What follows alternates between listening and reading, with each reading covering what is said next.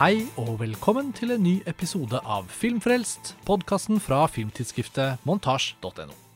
Mitt navn er Karsten Meinick, og jeg sitter her i dag sammen med Pernille Middleton. Hei, Pernille. Hallo. Hei. Vi har eh, satt oss ned for å snakke om en eh, filmantologi som kommer på NRK og NRK nett-TV nå i mars. Det er Steve McQueens Small Axe som altså er tema for denne episoden. Og for de som ikke vet hva Steve McQueens Small Axe er, så er det altså et ganske unikt prosjekt hvor regissøren da av 12 Years a Slave og Shame og Hunger og sist heist-filmen Widows har satt seg fore å lage fem filmer produsert av BBC hvor hver og en film på en måte står for seg selv, men alle fem håndterer den samme tematikken, som grovt sett, i hvert fall i forhold til miljøet filmene skildrer. Og det skal vi selvfølgelig komme litt mer inn på. Og Pernille, både du og jeg har jo sett serien, men som en liten gulrot til lytterne, så har vi også møtt Steve McQueen på Zoom. Og jeg intervjuet ham for bare noen dager siden, og det intervjuet har vi som en del av denne episoden. Så det er jo litt stas. Det er ikke hver dag vi har Oscar-vinnere på Filmfrelst. Veldig kult. Ja, ble, jeg ble litt starstruck selv. Jeg. Pernille, ble du starstruck da jeg sa jeg hadde fått uh, intervju med han? Ja, jeg skjønte ikke hvor det kom fra. Det var sånn rakt inn fra venstre, litt av et sjokk, men uh, jævlig kult. ja, veldig, det er jo veldig gøy, selvfølgelig. Og det er jo ikke det at ikke vi har intervjuet um, en del berømte filmpersonligheter. F.eks. på filmfestivalen i Tromsø så har vi jo et årlig format som heter Filmprat, som, der alle episodene ligger fortsatt ute på YouTube. Da. Hvert år så møter vi jo forskjellige typer filmskapere der. Og vi har jo snakket med Olivier Asayas og Gaspar Noé og Jan Troell blant annet, og flere norske filmskapere osv. Men det var litt spesielt at uh, ja, BBC etter en del mailer frem og tilbake bekreftet at vi kunne få et uh, intervju med Steve McQueen, og selv om han bare hadde et kvarter tilgjengelig, så ble det jo en veldig hyggelig samtale. Og den er litt redigert, uh, både av tekniske årsaker og litt for klarhet, da. Så vi har da et intervju med Steve McQueen som kommer på halen av denne episoden. Og frem til det så skal du og jeg snakke litt om hva Small Axe er, Pernille. Og før vi går gjennom hva de fem episodene liksom inneholder, så tenkte jeg bare å høre i forhold til Steve McQueen, hva, hva, hva slags type filmskaper har du liksom følt at han har vært eh, frem til nå? Han er litt sånn uutforsket for min del. Jeg har jo selvfølgelig, som alle, sett 12 Years a Slave. Og ble jo grepet av den eh, da den kom, i 2013 eller når det var. Eh, og så er jeg også veldig fan av Shame. Eh, jeg husker det var en av de første filmene jeg så på kino da jeg hadde flytta til Oslo. Så det var litt sånn ja. kul voksenopplevelse, egentlig. Um, det er jo en veldig voksen film òg. En veldig voksen film. Um, greit å gå alene på den, eller sånn med andre venner. um, jeg har ikke sett Hunger, og jeg har ikke sett Widows. Så uh, med tanke på at Shame og 12 Years a Slave er så enormt forskjellige filmer, så føler jeg ikke at jeg kan liksom pin down sånn eksakt hvordan type filmskapet Steve McQueen er, hvis du skjønner. Fordi hvis man ikke visste det, så kunne man kanskje ikke gjette at det var samme regissør da, bak de to filmene. Nei, og jeg er litt enig, og jeg tror faktisk ikke jeg har ordentlig skjønt det før denne Small Axe kom. Fordi egentlig har han hatt en litt sånn kjapp, suksessfull karriere, kan man si. Altså, han jobbet jo som kunstner i mange år før han lagde sine første spillefilmer. Han jobbet med videokunst og var på mange måter en veldig anerkjent figur i det britiske kunstmiljøet. Og så lagde han jo Hunger, som mange sikkert husker som liksom Michael Fassbenders gjennombrudd også, da. Men filmen ble aldri noen stor populærfilm, fordi den er veldig Hva skal man si? Altså, den er kompromissløs på det den ønsker å gjøre. Det er en sånn isolert fengselsfilm. Det handler om en som sultestreiker. Den har ganske mange sånne transmakende eh, grep og elementer. Men veldig sterk film. Jeg husker den som Den gjorde veldig inntrykk. Jeg har den i hylla, så den, eh, den har stått på den veldig lenge. Ja, men jeg kan anbefale den, og, og de fleste Altså, jeg tror vel alle Steve McQueens filmer er tilgjengelige på klikkfilmtjenester og sånn, så det er jo lett å se seg opp på han, også for lytterne, hvis det er noen som hører på nå som ikke har sett alt. Men så kan man si at Shame var jo en litt sånn annen type film, fortsatt med Michael Fassbender, men så var jo 12 Years a Slave en sånn type film som, som gjør Steve McQueen til liksom en Oscar-filmskaper. da, Og det var jo, selv om den også er en ekstremt godt laget og på sin måte kompromissløs film, så er den jo også den passer jo inn i en sånn Oscar eh, Hva skal man si? Oscar-kategori-type film. Eh, den totalt sett legger seg på den linja som gjør at den at den passer for akademiet, og endte opp med å vinne Oscar for beste film, blant annet. Og Widows var jo noe så underlig som en heist-film. Litt sånn inn fra venstre. En sånn følelse av blanding av liksom heat-vibber da på traileren, og så uh, med Viola Davis i hovedrollen. Hun hadde jo akkurat spilt i Black Hat av Michael Mann, så det var liksom sånn bland... Jeg husker jeg liksom hadde litt sånn blandede forhold til hva det kunne være. og Fikk vel egentlig litt lave forventninger pga. det var litt sånn mager buzz. Jeg husker det var ganske dårlig bøss, ja. Men uh, så var det samtidig sånn et par stykker som virkelig hyllet den, og da blir man jo nysgjerrig. Ja, og da jeg så den til, til slutt, så syns jeg egentlig den var litt bedre enn den hadde forventet. Men akkurat som du sa, så utgjør de fire filmene en litt sånn et litt sånn vagt bilde av en slags autør. Kanskje ikke egentlig det er det han nødvendigvis er. Og så mm. kommer da Small Axe, som er et superpersonlig prosjekt, veldig drevet frem av ham, utviklet over en tiårsperiode frem til det da var ferdig i 2020. Og opprinnelig skulle jo da to av filmene blitt vist på Cannes-festivalen 2020, som ble kansellert pga. koronapandemien. Og så fikk eh, hele denne antologien premiere på New York Film Festival i september 2020. Vet du hvilke av filmene som skulle vært i Cannes? Det, etter hva jeg har skjønt, er da Mangrove og Lovers Rock som var tenkt to, ja. eh, å bli vist i Cannes. Ja. Så og nå kan vi jo presentere litt uh, hva disse fem filmene heter, og litt hva de handler om, før vi kan si litt om hva vi syns. Og um, jeg har da varslet at det kan jeg prøve meg på. Pernille, så får du hjelpe meg hvis, hvis jeg bommer på noe eller uh, begynner å stotre litt. Men det Steve McQueen ønsker å gjøre med Small Axe, det er å fortelle historier fra det miljøet man kan beskrive som det vestindiske immigrantmiljøet i Storbritannia. Og han fokuserer spesifikt på perioden fra slutten av 60-tallet frem til litt inn på 80-tallet. Og når man sier det vestindiske immigrantmiljøet, så sikter man da til befolkningen som i en periode immigrerte fra da karibiske øystater, som nylig da var blitt eh, frie nasjonalstater etter å ha vært kolonistater i det britiske kongedømmet. Og mange av disse menneskene hadde jo britisk statsborgerskap som følge av å leve i kolonien. Og det var da en periode hvor eh, det egentlig var helt grønt lys. Og hundretusenvis av mennesker immigrerte da fra sine liv i de forskjellige karibiske øystatene som tilhørte Storbritannia, til uh, i hovedsak uh, England, da. Og uh, kolonisystemet er jo en kompleks definisjon. Hvis man først snakker om nasjonalitet og statsborgerskap, så er det jo ikke egentlig da innvandrere. Men det er uansett en kultur fra de karibiske landene, altså Jamaica, Barbados særlig, er representert også da i Small Axe. Um, Trinidad også, vel. Trinidad, nettopp. Ja, og Steve ja. McQueen selv har jo familie fra Trinidad. Og ja, det ønsket han å fortelle, for han har selv sett at disse britenes bakgrunn og disse britenes eh, fortellinger og opplevelser, ikke minst med da å ikke være gitt de samme rettighetene i det britiske samfunnet, opplevelsen av statlig rasisme selvfølgelig, ikke minst, og tematikken er universell. og Steve McQueen snakker i intervjuet litt senere om hvorfor det også var så personlig og viktig for han å fortelle historier som ikke hadde blitt fortalt. Fordi, som han også selv eh, setter ord på, så var det ikke noe rom for eh, filmskapere fra disse miljøene til å fortelle sine historier i denne perioden vi snakker om, da, på 60-, 70-, 80- og egentlig også inn på 90-tallet. Og da han skjønte at han var i posisjon til endelig å fortelle om disse menneskene, deres kultur, deres miljøer, deres uh, helter, da ønsket han å gjøre det. Og det er bakgrunnen for Small Axe. Man merker jo uh, godt uh, hvor, uh, hvor, stor historietime dette er når man ser serien. Fordi jeg, jeg, visste ikke, jeg, jeg, hadde ikke tenkt over kanskje da, hvor underfortalt historien til disse gruppene mennesker var. Men samtidig så tok jeg meg selv i å tenke når jeg så på det bare sånn, hvor ofte er det jeg hører karakterer ha akkurat disse dialektene? Det er ikke mm. så ofte man hører det i, i moderne film. da. Mm. Så det var, sånn, det var, veldig uvant. Uh, man måtte venne seg litt til det. Fordi vi så jo eh, screenere uten undertekst. Mm. Uh, og det syns jeg var litt utfordrende, fordi det er en litt uh, tricky dialekt noen steder. Spesielt hvis det er mye støy i scenene. Men ja, det var veldig sånn fresh. Veldig forfriskende, og det sier jo bare Egentlig føler jeg Small Axe i sin helhet da, er jo et glimrende eksempel på hvor merkbart det er å se historier man ikke har fått sett før. Mm. Og jeg tenker jo bare da på hvor Nå kan man bare gange hvor mange ganger det er av betydning for de som nettopp tilhører f.eks.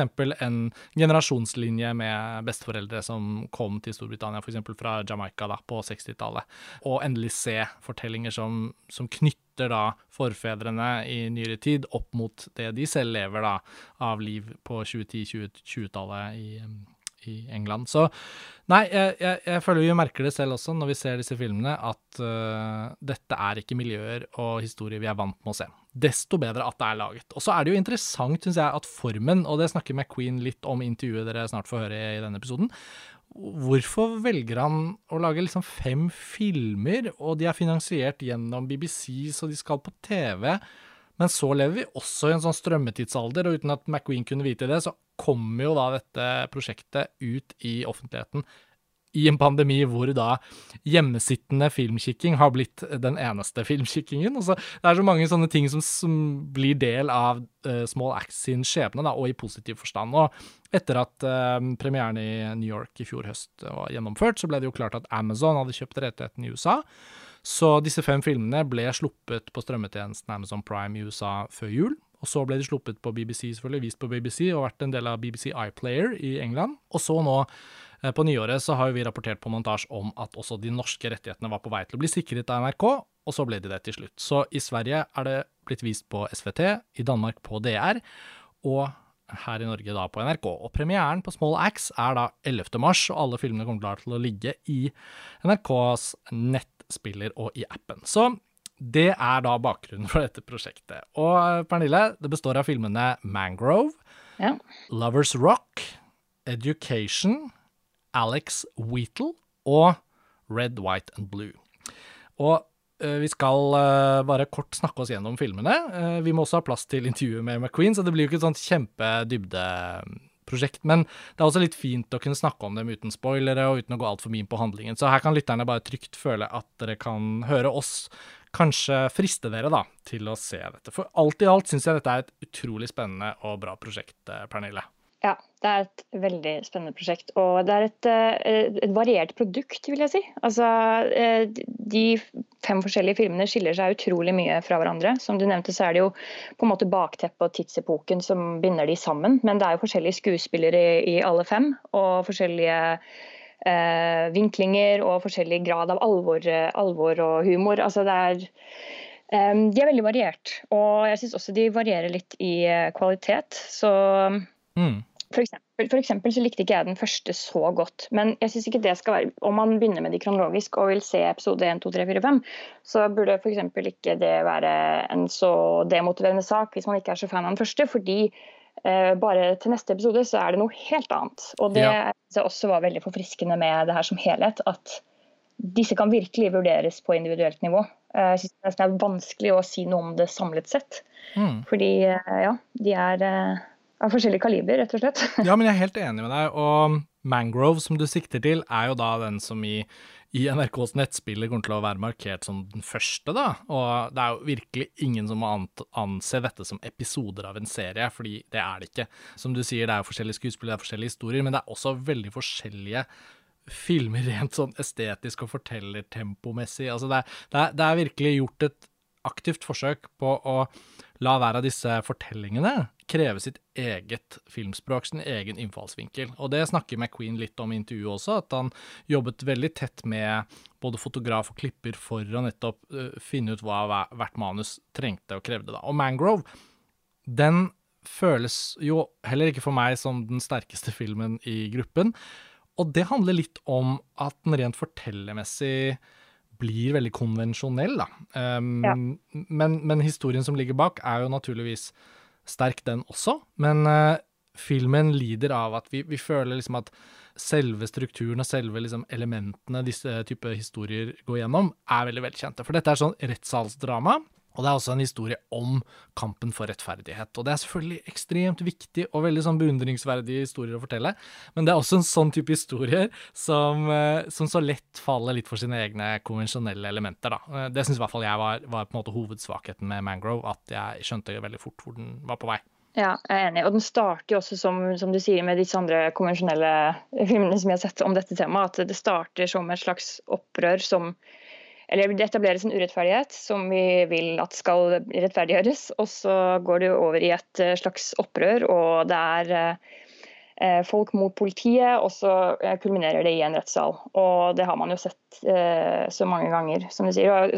Blant annet nylig i Trial of the Chicago Seven. Den minner jo litt om det, på en måte. Ja, og den minner faktisk ganske veldig mye om den ja. filmen. Og det er en film jeg ikke så da den kom i oktober, men jeg så den liksom gjennom romjulen, hvis ikke jeg husker helt feil. eller En gang i løpet av eh, jul og nyttår. Jeg syns den var kjempebra. Ja, men den var bra. Men for de som da ikke har sett den, så er det jo Aaron Sorkin som har skrevet og regissert en film om om da den for amerikanerne veldig sånn betydningsfulle, kjente rettssaken mot syv personer som har vært del av et opprør mot, eh, eller protester, da, mot um, den demokratiske Hva var det?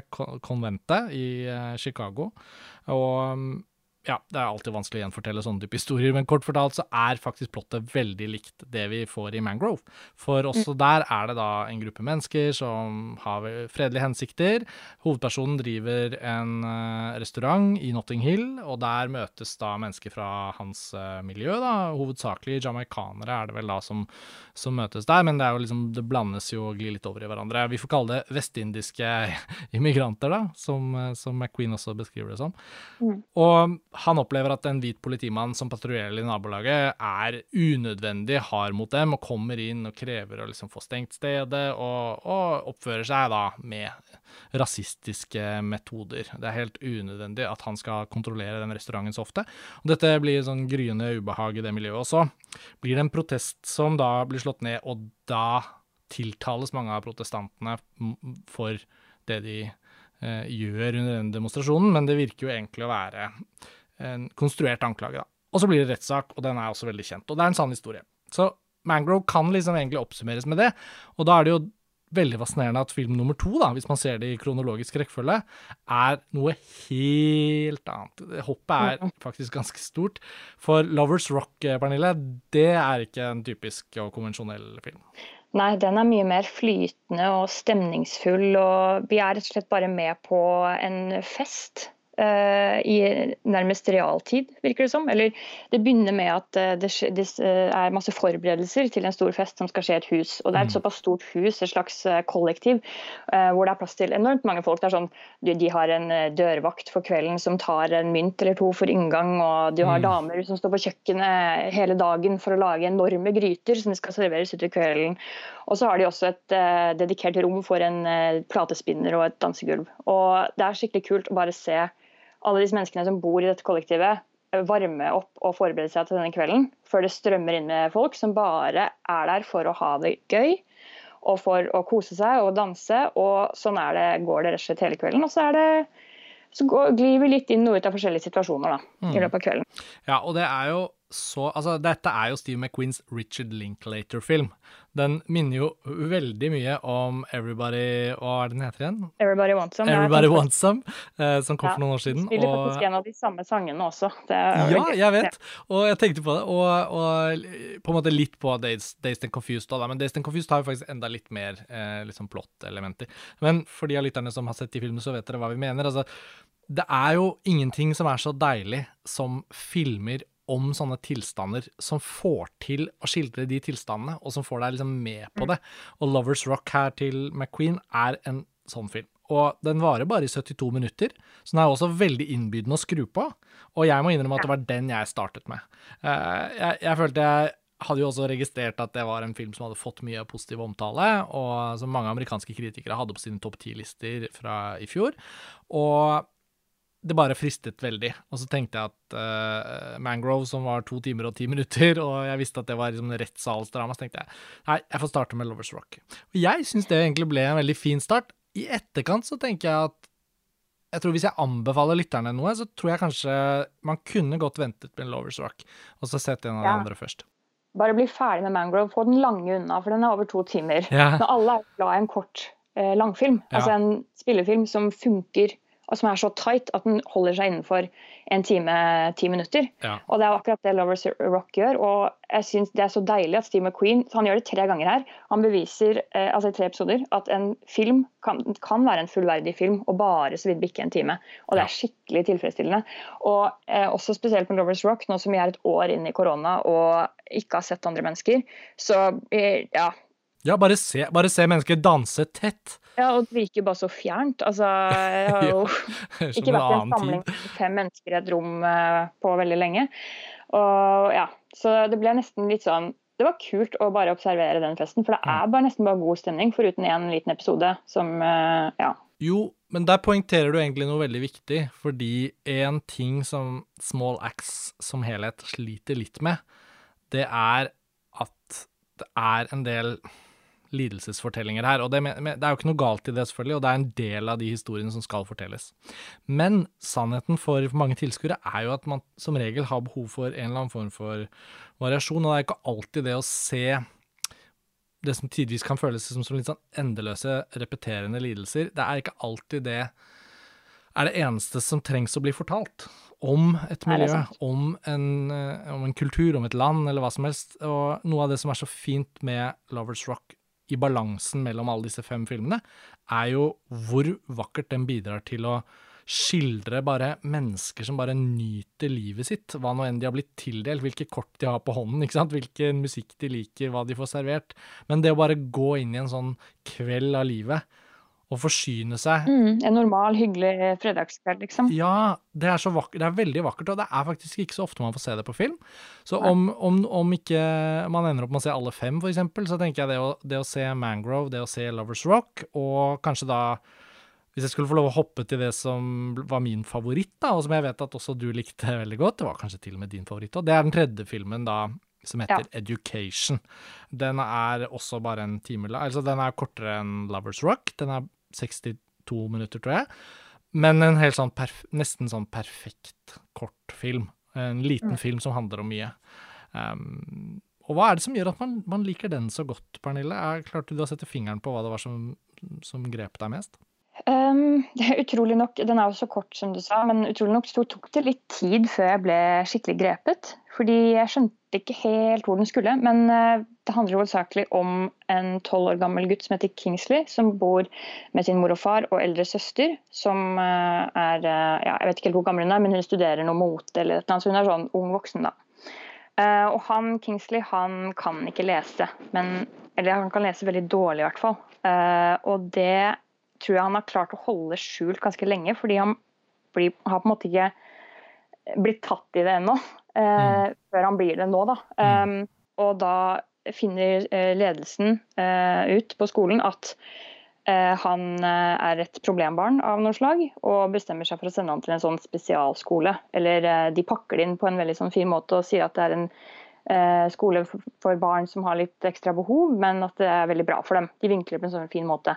Men det det egentlig er, som er, veldig, som er skyggesiden av det her, er at det er jo en Det er ikke noe spesielt for denne skolen i det hele tatt. Det er jo bare et, en institusjon for å skygge unna de eh, problembarna som, eh, som ikke skal bli noe stort i livet. Da. Altså, mm. de, det er nok til at de får akkurat den utdannelsen de trenger for å gjøre en eller annen jobb som ikke krever at de tenker noe særlig når de blir voksne. Altså the bare minimum. Ja.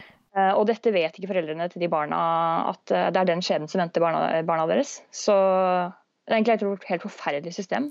Ja, og, og, og premisset for å fortelle akkurat denne historien er jo da meget elegant balansert opp mot uh, hva skal vi si, prosjektet med Small Axe er. da, fordi det han får til med Education, det er jo å både fortelle om konsekvensene for enkeltmennesket i et samfunn hvor ikke alle mennesker blir gitt de samme mulighetene eller har den samme verdien, men uten at enkeltmennesket, som denne lille gutten da blir, da, hovedpersonen i historien, nødvendigvis direkte slynges liksom inn i lidelse av den grunn. Education er fortalt som hans dannelsesfortelling, en slags sånn mini coming of age, hvor han eh, på en måte tar de kortene han har blitt delt, og, og, og ser, ser, på det, og innser også at det er en indre reise for ham selv. Altså, han vet at han ikke kan lese. Han vet at han også må på en måte finne en vei ut av dette. Det er ikke bare å si at uh, noen var slemme. Uh, og den balansen der er veldig fint tatt vare på i denne filmen. Og jeg syns også, også, skildringen av lærere og, og, foreldre og de gode menneskene som ønsker å hjelpe til, da, mm. er like fint til stede som på en måte noen med om ikke onde hensikter, så, så i hvert fall de som forårsaker mye av det kjipe her, da. Så jeg måtte spørre Steve McQueen faktisk direkte om denne filmen, også fordi at tre av de fem filmene er veldig tydelig basert på sanne historier, mens både Lovers Rock og Education fremstår som mer som fiksjonsfortellinger, da. Selv om de naturligvis er inspirert. Og da sier jo Steve McQueen det at ja, men de er jo inspirert av ekte hendelser, og Education er for meg personlig, det er litt historien om meg, sier Steve McQueen. Okay. Og så kan dere høre hva mer han sier om det i slutten av episoden. Men det gjør også at jeg føler filmen får en veldig fin, sånn fint relieff rundt seg. da.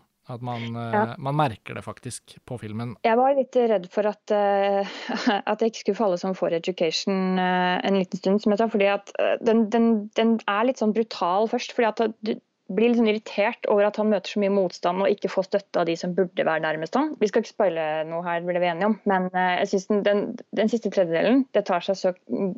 kraftig opp at den bare den gikk meg rett i hjertet. altså. Ja, jeg er enig, men det er også fordi han bygger det opp, og jeg føler liksom at det får veldig sånne naturlige uh, utspill, de forskjellige tingene som har blitt etablert i starten. Og sånn. så det er, ja, det er en veldig varm anbefaling, og for, for, lytterne så kan vi jo da si at de som Om man ikke kommer gjennom alle fem på en gang, så tenker jeg at det er en veldig oppmuntrende del av dette her, at vi kan si at liksom Mangrove ja, den er litt konvensjonell, men den setter jo også opp veldig mye av det det skal handle om, og um, i forhold til miljøskildringene og bakgrunnen og sånn.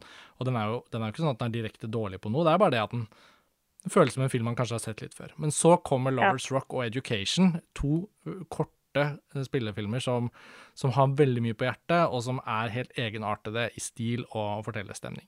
Så tenker jeg kanskje at det ikke er fullt så mye å si om de to siste, men at det likevel er fine filmer å, å få trukket inn i samtalen før vi går til intervju med McQueen. da. Det nærmer seg jo litt nå. Um, men Alex Wheatle, som er basert på en sann historie, da, handler om en uh, nålevende britisk forfatter og hans uh, oppvekst fra, fra, veldig vanskelige kår. Han blir eh, kastet rundt på som barn, forskjellige skoler, forskjellige hjem.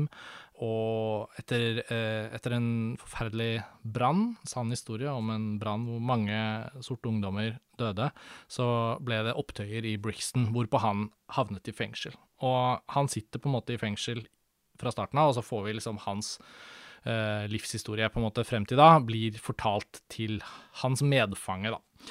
Og den siste filmen, eh, Pernille, det er vel en av de filmene som man kan si har, har mest sånn stjernespekkede rollegalleriet. I hvert fall i den forstand at eh, John Boyega spiller hovedrollen. Ja, definitivt. Uh, Red, White and Blue det er min uh, ja, Den er nesten på lik linje favoritt som Education. altså Den så jeg i, i går kveld, og den, den, sitter virkelig igjen. Det er en sann historie om uh, en mann som heter Leroy Logan, som er usedvanlig smart. Han har en doktorgrad i uh, jeg vet ikke helt hva det var, men han jobber med sånn kreft, eh, kreftforskning og celler og sånt. Mm. Og så eh, er han vitne til at faren hans blir utsatt for en veldig grov og stygg rasistisk eh, handling av politiet. Eh, som gjør at han eh, vender tilbake til en gammel drøm han har hatt om å bli politibetjent. Mm. Eh, så han går rett og slett til opptak og er usedvanlig flink. Han er kjempegodt trent og leverer bra og er egentlig en sånn ti av ti politibetjent, men blir selvfølgelig da også utsatt for systematisk rasisme innad i uh, sin, um, på arbeidsplassen. Fordi det er ikke så mange andre svarte politibetjenter der han jobber. Så han uh, må jo da jobbe litt med dette og face de, rett og slett, gjennom en stor del av filmen, som er veldig tungt å se på. fordi hans store ønske og eneste hensikt med å bli politi var at han ville gjøre en forandring fra innsiden. Fordi han har sett mm. hva det gjør med samfunnet og familien hans, ikke minst. Og han møter så mye unødvendig og urettferdig motgang at uh, det er til å gråte av. Mm. Og jeg må også bare si at fy faen så god John Boyega er. Han er, uh, han er kanskje den beste skuespilleren i hele Smallax-serien. Og det er jo litt dust å si det fordi han er mest kjent òg, men det er akkurat som om han var bare skapt for akkurat den rollen her. Uh, og han uh, bærer filmen. Altså Filmen er sterk nok i seg selv, men han bare er ja, toppen av kransekaka, rett og slett. Han er helt sinnssykt god. Han er veldig bra. Han har alltid egentlig vært det. Jeg syns det er så kult å se også at han her får eh, bryne seg på en type rolle som er på en måte en del av det britiske. Han, han, har jo gjort det til en viss grad, eller hva skal man si, Attack the Block var jo britisk, ja. kan man si. Men, eh, ja. men med, etter Star Wars og liksom Pacific eh, Rim, eh, hva heter den uh, oppfølgeren, det er liksom ja, det har vært liksom ikke så mange sjanser for han til å kanskje vise fram de dramatiske egenskapene han har. Da. Så ja, jeg er helt enig i at det er Og jeg tror den også må ha vært en veldig sånn nøkkelfilm for ham. Eh, jeg leste i et intervju der før jeg skulle snakke med McQueen, så bare researchet jeg litt, og da, da, så jeg jo at en av grunnene til at John Boyega var veldig sånn på barrikadene i Storbritannia etter George, George Floyd-saken, og, og gjenoppstandelsen rundt uh, Black Lives Matter-bevegelsen, og, og, liksom hvordan det ble et mye mer liksom globalt spørsmål, da, kamp mot rasisme, så, så, må jo også Boyega ha hatt arbeidet med den rollen veldig sånn friskt på minnet. da. McQueen satt vel mm. sikkert og klippet på prosjektet da alt dette skjedde i fjor, og, og Boyega gjør noen sånne fantastiske sånne impulsive taler der i parken i London, som man kan finne på YouTube, som gjorde også veldig inntrykk på meg. Og når jeg har sett denne filmen, så, så merker man jo også veldig at hans, hans eh, sosial bevissthet antageligvis er veldig med på å forme den fasen han kanskje er på vei inn i nå, da, som skuespiller. Så mm, Absolutt. Jeg må nevne eh, kanskje det gøyeste øyeblikket i, i, hele serien. Jeg er i denne, og det er når han snakker med kameraten sin om at han har lyst til å bli politi. Så sier han 'I want to join the force'. Og så svarer kompisen 'You want to be like a Jedi or something'. en, en in-joke som eh, Steve McQueen ja. også sikkert hadde stor glede av å få med, selv om okay, Forventer ikke sånn humor i dette alvorlige Jeg forbinder liksom ikke popkulturelle jokes med Steve McQueens filmografi, men um, han har jo på en måte vist med Small Axe at han uansett har eh, mer å tilføye til filmografien sin enn de fire filmene vi allerede da har sett, og som vi snakket litt om innledningsvis.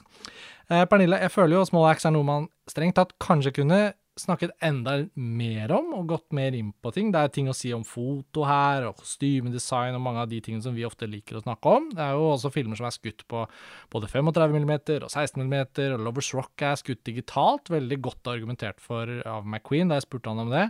Nettopp den filmens liksom flytende egenskaper, lange tagninger, mennesker som glir inn og ut av rom, og at fotografen, som tidligere har fotografert Skate Kitchen, en veldig bra amerikansk independent-film, han har liksom bakgrunn som skater, han, han, er litt sånn yngre, ny fotograf for McQueen, og det samarbeidet har åpenbart gitt veldig mye til visuelle utforminger her. Så egentlig kunne vi snakket mye mer om det, men heldigvis så har vi jo da nå en samtale med Steve McQueen, som vi skal klippe til nå og by på til dere lytterne. Jeg ehm, ja, jeg gjør mitt beste med min litt begrensede, forstokkede norske engelsk. Dere får ha meg unnskyldt. I den grad jeg, jeg, forhåpentligvis klarer å stille spørsmålene mine tydelig, så syns jeg vi får flere fine svar fra McQueen. Pernille, dette er jo en serie som vises på NRK, så den kan jo fort egentlig få et litt sånn stort publikum. Men hvis du skulle velge en av disse å se på kino, hvilken ville du foretrukket å se på det store lerretet? Åh, oh, godt spørsmål. Uh, jeg tror kanskje at jeg ville sett Hvis jeg kan velge to, da, en double bill, ja. så ville jeg først ha sett uh, Lovers Rock fordi at det er helt genialt. Hun sier at han har valgt den med digital kamera der. da. Ja. Jeg ville sett den på kino fordi altså det er bare helt genialt måten den glir på på det dansegulvet. Og, og, jeg bare føler at jeg flyter rundt i rommet og er med på festen. Det er en veldig sånn suggererende type film, så den mm. tror jeg hadde gjort seg i en kinosal. Men jeg ville også bare eh, sett eh, Education, som er skutt på 16 mm, sa du vel? Mm. Kunne du fortelle meg? Um, som jeg syns ser helt fantastisk ut. Og det er bare noe med den teksturen eh, filmen får av å være skutt på det formatet, som gjør at det ser ikke ut som den er lagd i dag. Og jeg elsker når det skjer, at det går an. Jeg er helt enig. Man blir dratt tilbake i tid, og det er så altså ja, Vi kunne snakket så mye om detaljer i det her, men scenografien, håret, kostymene altså Castingen. Det er jo så mange ukjente fjes her òg. Jeg, jeg tror virkelig på at jeg er på 70-tallet når jeg ser den filmen, og det mm. syns jeg er helt fenomenalt. Så ja. Men det var bra valg. Bra valg av dobbeltbill. Jeg er med deg på den. Uh, og de to filmene, siden de er såpass korte som vi nå har beskrevet, så ville jo de egentlig utgjort en sånn fin uh, helaften. Ja. Så får vi se hva som skjer når denne fordømte pandemien er over og alle kinoene vi er så glad i åpner som vanlig. Sånn. Hvordan kommer programmeringen nå til å se ut gjennom hva skal vi si, andre halvdel av 2021, da, hvis vi kan håpe og tro at ting er noenlunde normalt med tanke på kinoer og det å møtes og se film sammen. Jeg er veldig nysgjerrig på hva vi får se, om det er noe av det som har pågått mens alt har vært stengt, som gis noen muligheter. Og det er jo kanskje lov å nominere da, at f.eks. Lovers Rock og Education kunne vært en sånn type programmeringsmulighet. Og hvis Lovers Rock kommer på kino, så tror jeg det jeg har mest lyst til, er bare å høre filmen med høy lyd. Så høy lyd ja. som man kan få i en kinosal, for det er jo som å være på fest. Men OK, Pernille, tusen takk for praten. Takk for at du var med på denne episoden. Um, og da tror jeg vi bare setter over til Steve McQueen uh, og meg, da, som snakket om Small Axe for noen dager siden. Um, god fornøyelse. So, we are here with director Steve McQueen to talk about his new project, Small Axe. Steve, thank you so much for being here with us. My pleasure. Thank you for inviting me. So, I'm just going to jump to the um, choice of stories. I see that you've been working for a decade, or at least since a decade, to develop this project. But telling untold stories, meaning also to choose some and find some. And I can see that three of them are based on real stories, real people, and at least Lovers Rock and Education is more fiction based. Well, they're, ba- they're, they're based in reality. Uh, you know, they're not specifically about a person, but all, all the stories, and those two in particular, are based in, in, in a reality. Um, but um, but yes, the, the, the, stories are the stories of Saturday night as far as Lovers Rock is concerned, but also education is in some ways about myself and my experiences in the education system. Of course, I didn't I didn't grow up in the 70, early 70s where the story was based in. I grew up in the 80s. But that would have been my trajectory uh, had it not been for uh, black parents and and, and academics uh, who stopped a certain kind of racist regime happening with children being sent to schools which were called educationally subnormal schools. So that was about that was also based in reality, but again, it was it was a, it was a fictionalized, but it's fictionalized through my own experience. Yeah, actually, education made a real impression on me. All of the films have their strong suits, but sure. in a way, it felt really personal. So I was actually mentioning it to myself. Don't forget asking about that film. Well, it was personal because it was it, was about my own experience. Um, um, and of course, that what that's what would have happened to me if it hadn't been, as I said, for these parents, these black parents and, and educators who basically stopped this sort of uh, sort of uh, you know uh, racist sort of um, hostile sort of um, doctrine which, which, which was going out there. Mm. Um, and it's amazing what what happened. Uh, uh and again, it's all about Swan It's all about the sort of uh, people being empowered by being a collective and stopping the sort of the, this government sort of you know going about um, to, going about to sort of, you know, to sort of suppress the, the children of, of, these of these black communities. Mm. Um, so yeah, it was extremely personal. Also, you know, I, I, had to go back as well to my own, you know, what I experienced and and so forth. So yeah, it was it was it was it was it was it was it was great. It was good. It was it was good to do.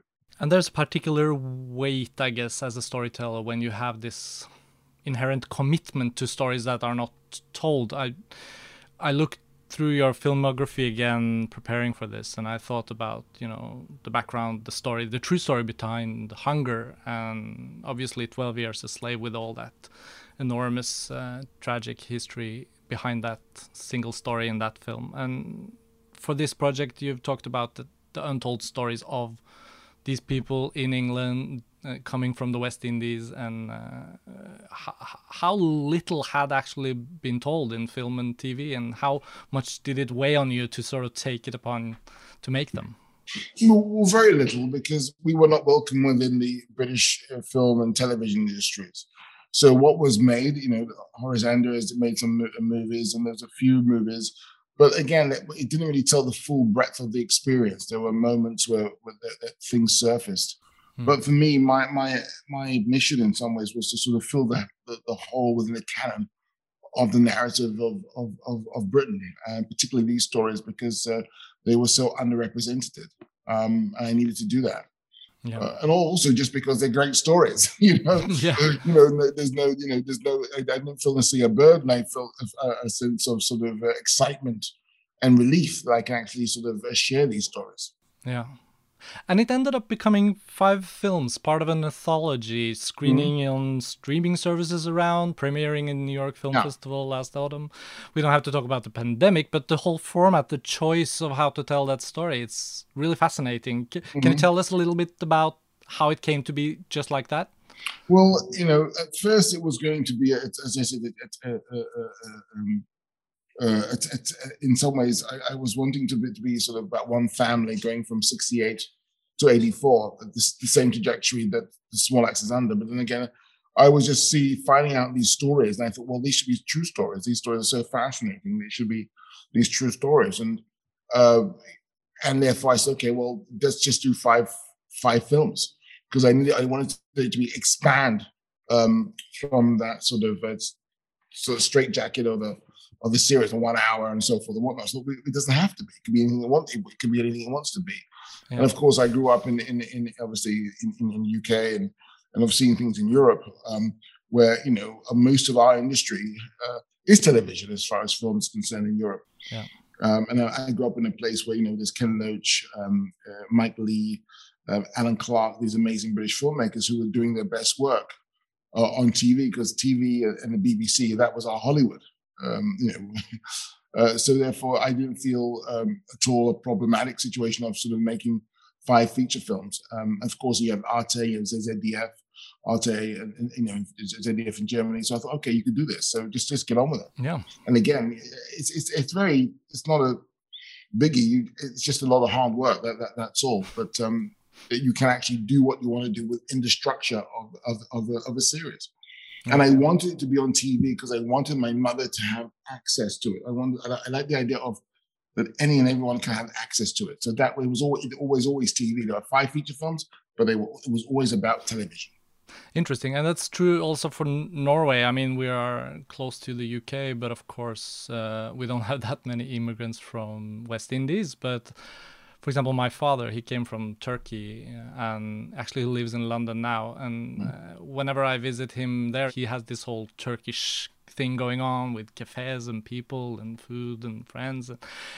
All immigrant societies, in a way, trying to adapt to any country, have these pockets of cultural specificity. And I love how you portray that in your films and the accessibility of your films here in Norway. I think it will uh, be easily identifiable for a lot of people. Absolutely. It's, Anyone can uh, connect to it. And it's interesting you talk about food because food is a home away from home. Yeah. it's, it's, it's the taste of it's a taste of home. So that you know, you know, you maybe can't take a ticket to wherever you you you, you would like to be, but you can actually conjure up the taste of that of, of, of yeah. that environment such a wonderful scene in Lovers Rock uh, where you also take so much time to just be in a situation. And that's one of my other questions, like how the five films also are separated in a way aesthetically and how you balance poetry and narrative. And for Lovers Rock, I, I just loved being in the film and the way you constructed it. Sure. Well, it's about it's about separation, but it's about connection too because each individual the individual films, but actually one without the other you cannot have. And also you can reference things.